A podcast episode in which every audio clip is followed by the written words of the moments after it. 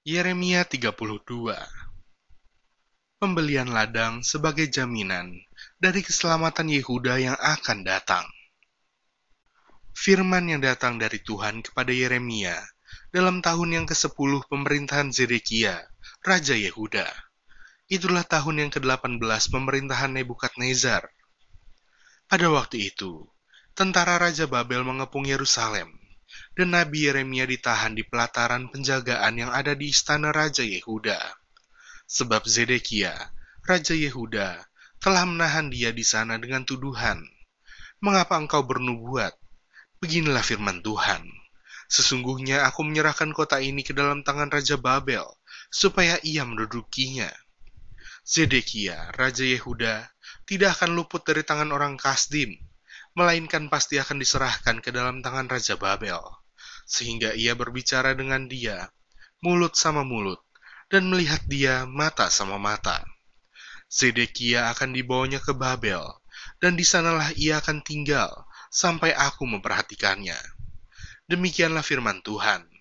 Apabila kamu berperang melawan orang Kastim itu, kamu tidak akan beruntung. Berkatalah Yeremia. Firman Tuhan datang kepadaku. Bunyinya, Sesungguhnya Hanameel, anak Salum, pamanmu, akan datang kepadamu dengan usul. Belilah ladangku yang di Anatot itu, sebab engkaulah yang mempunyai hak tebus untuk membelinya. Kemudian, sesuai dengan firman Tuhan, datanglah Hanameel, anak pamanku, kepadaku di pelataran penjagaan, dan mengusulkan kepadaku, Belilah ladangku yang di Anatot, di daerah Benyamin itu, sebab engkaulah yang mempunyai hak milik dan hak tebus. Belilah itu. Maka tahulah aku bahwa itu adalah firman Tuhan. Jadi aku membeli ladang yang di Anatot itu dari Hanameel, anak pamanku, dan menimbang uang baginya tujuh belas sikal perak. Aku menulis surat pembelian, memeteraikannya, memanggil saksi-saksi, dan menimbang perak itu dengan neraca. Lalu aku mengambil surat pembelian yang berisi syarat dan ketetapan itu, baik yang dimeteraikan maupun salinannya yang terbuka.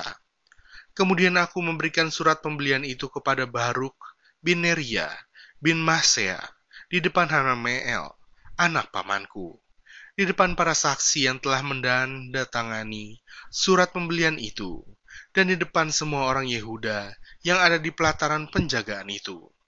Di depan mereka, aku memerintahkan kepada Baruk, kataku, Beginilah firman Tuhan semesta alam, Allah Israel.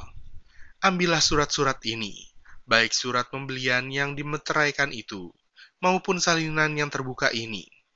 Taruhlah semuanya itu dalam bejana tanah, supaya dapat tahan lama. Sebab beginilah firman Tuhan semesta alam, Allah Israel.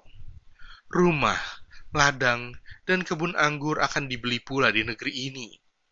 Sesudah kuberikan surat pembelian itu kepada Baruk bin Neria, berdoalah aku kepada Tuhan. Kataku, Ah Tuhan Allah, sesungguhnya Engkaulah yang telah menjadikan langit dan bumi dengan kekuatanmu yang besar dan dengan lenganmu yang terentang. Tiada suatu apa pun yang mustahil untukmu. Engkaulah yang menunjukkan kasih setiamu kepada beribu-ribu orang dan yang membalaskan kesalahan Bapa kepada anak-anaknya yang datang kemudian. Ya Allah yang besar dan perkasa, namamu adalah Tuhan semesta alam, besar dalam rancanganmu dan agung dalam perbuatanmu. Matamu terbuka terhadap segala tingkah langkah anak-anak manusia, dengan mengganjar setiap orang sesuai dengan tingkah langkahnya, dan sesuai dengan buah perbuatannya Engkau yang memperlihatkan tanda-tanda dan mujizat-mujizat di tanah Mesir, sampai kepada waktu ini, kepada Israel, dan kepada umat manusia, sehingga engkau membuat nama bagimu, seperti yang ternyata pada waktu ini. Engkau telah membawa umatmu Israel keluar dari tanah Mesir, dengan tanda-tanda dan mujizat-mujizat, dengan tangan yang kuat, dan lengan yang teracung, dan dengan kedahsyatan yang besar dan engkau telah memberikan kepada mereka negeri ini, seperti yang telah kau janjikan dengan sumpah kepada nenek moyang mereka, untuk memberikannya kepada mereka, suatu negeri yang berlimpah-limpah susu dan madunya. Kemudian mereka memasuki dan mendudukinya. Tetapi mereka tidak mendengarkan suaramu dan tidak berkelakuan menurut Tauratmu. Mereka tidak melakukan segala apa yang kau perintahkan kepada mereka untuk dilakukan. Sebab itu engkau melimpahkan kepada mereka segala malapetaka ini. Sesungguhnya, tembok-tembok pengepungan yang dipakai untuk merebut kota telah sampai mendekatinya. Oleh karena pedang, kelaparan, dan penyakit sampar, maka kota itu telah diserahkan kepada orang-orang Kasdim yang memeranginya. Maka apa yang kau firmankan itu telah terjadi. Sungguh, engkau sendiri melihatnya. Namun engkau, ya Tuhan Allah, telah berfirman kepadaku, Belilah ladang itu dengan perak dan panggillah saksi-saksi. Padahal kota itu telah diserahkan ke dalam tangan orang-orang Kasdim. Firman Tuhan datang kepada Yeremia. Bunyinya, Sesungguhnya, akulah Tuhan Allah segala makhluk adakah sesuatu apa pun yang mustahil untukku? Sebab itu, beginilah firman Tuhan. Sesungguhnya, aku berikan kota ini ke dalam tangan orang-orang Kasdim dan ke dalam tangan Nebukadnezar, Raja Babel, dan ia akan merebutnya. Orang-orang Kasdim yang memerangi kota ini akan datang membakarnya dan menghanguskannya, serta dengan rumah-rumah yang di atas sotohnya. Orang membakar korban kepada Baal, dan mempersembahkan korban curahan kepada Allah lain untuk menimbulkan sakit hatiku. Sebab orang Israel dan orang Yehuda hanyalah melakukan yang jahat di mataku sejak masa mudanya. Sungguh, orang Israel hanya menimbulkan sakit hatiku dengan perbuatan tangan mereka.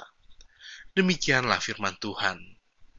Ya, kota ini telah membangkitkan murka dan kehangatan amarahku, mulai dari hari didirikannya sampai hari ini sehingga aku harus menyingkirkannya dari hadapanku. Karena segala kejahatan yang dilakukan oleh orang Israel dan orang Yehuda untuk menimbulkan sakit hatiku oleh mereka sendiri, raja-raja mereka, pemuka-pemuka mereka, imam-imam mereka, nabi-nabi mereka, orang Yehuda dan penduduk Yerusalem. Mereka membelakangi aku dan tidak menghadap kepadaku, dan sekalipun aku menghajar mereka terus-menerus, Tiada mereka mau mendengarkan atau menerima penghajaran. Mereka menempatkan dewa-dewa mereka yang menjijikan di rumah yang di atasnya namaku diserukan untuk menajiskannya. Mereka mendirikan bukit-bukit pengorbanan untuk Baal di lembah Ben Hinom, untuk mempersembahkan anak-anak lelaki dan anak-anak perempuan mereka kepada Molok sebagai korban dalam api. Sekalipun aku tidak pernah memerintahkannya kepada mereka, dan sekalipun hal itu tidak pernah timbul dalam hatiku, yakni hal melakukan kejijikan ini, sehingga Yehuda tergelincir ke dalam dosa. Oleh sebab itu, beginilah firman Tuhan Allah Israel mengenai kota ini, yang engkau katakan telah diserahkan ke dalam tangan Raja Babel karena pedang, kelaparan, dan penyakit sampar. Sesungguhnya, aku mengumpulkan mereka dari segala negeri, ke mana aku mencerai beraikan mereka, karena murkaku, kehangatan amarahku, dan gusarku yang besar. Dan aku akan mengembalikan mereka ke tempat ini, dan akan membuat mereka diam dengan tentram. Maka mereka akan menjadi umatku, dan aku akan menjadi Allah mereka. Aku akan memberi mereka satu hati dan satu tingkah langkah, sehingga mereka takut kepadaku sepanjang masa, untuk kebaikan mereka dan anak-anak mereka yang datang kemudian aku akan mengikat perjanjian kekal dengan mereka, bahwa aku tidak akan membelakangi mereka, melainkan akan berbuat baik kepada mereka. Aku akan menaruh takut kepadaku ke dalam hati mereka, supaya mereka jangan menjauh daripadaku. Aku akan bergirang karena mereka, untuk berbuat baik kepada mereka, dan aku akan membuat mereka tumbuh di negeri ini dengan kesetiaan, dengan segenap hatiku, dan dengan segenap jiwaku Sebab beginilah firman Tuhan, seperti aku mendatangkan kepada bangsa ini segenap malapetaka yang hebat ini, demikianlah aku mendatangkan ke atas mereka keberuntungan yang kujanjikan kepada mereka. Orang akan membeli ladang lagi di negeri ini, yang kamu katakan, itu adalah tempat tandus tanpa manusia dan hewan. Itu telah diserahkan ke dalam tangan orang-orang Kasdim.